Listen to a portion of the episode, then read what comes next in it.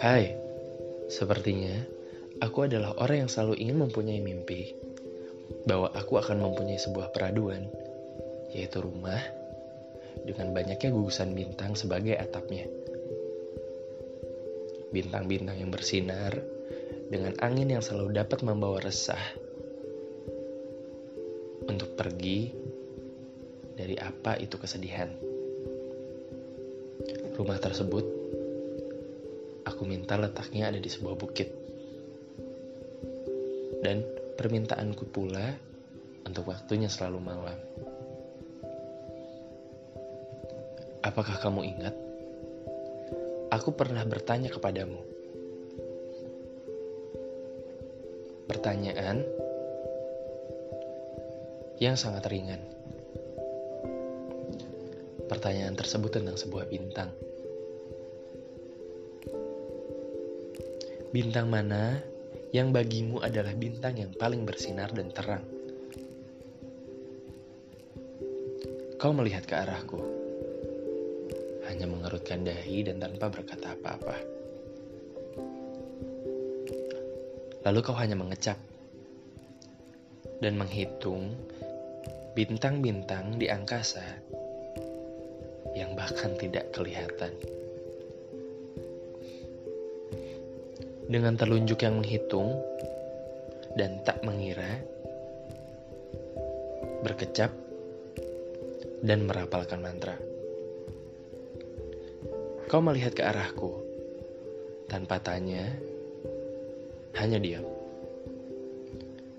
Namun anehnya, kau bercerita saat pertanyaanku bahkan tak kau jawab.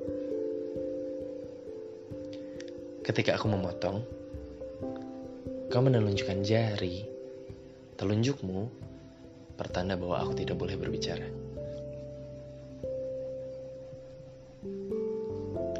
Lalu kau berkata tentang bintang. Yang katamu, sebelum bintang mati, ia akan bersinar dengan terang dan cemerlang. Lalu dengan dahsyatnya meledak dan mati tanpa benderang. Tapi yang aku tahu adalah bintang yang paling mati adalah bintang yang bersarang di bola matamu. Yang gelap dan dalam. Setelah kisah indah penuh cahaya dan tragedi yang menghentak tanpa permisi dan aba-aba, kau menjadi ahli rujum yang lihai membaca nasib burukmu sendiri kau lebih memilih berteman dengan sepi dan menolak banyaknya bantuan. Kau terdiam. Entah bintang mana yang tiba-tiba jatuh dari pipimu. Ia basah. Jatuh perlahan. Kau melihat ke arahku dengan banyaknya bintang-bintang yang berbinar di bola matamu.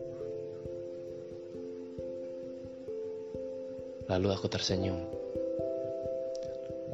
bertanya kepadamu, butuh berapa tahun lagi agar cahaya sorotmu dapat kembali bersinar tanpa perlu mati terlebih dahulu.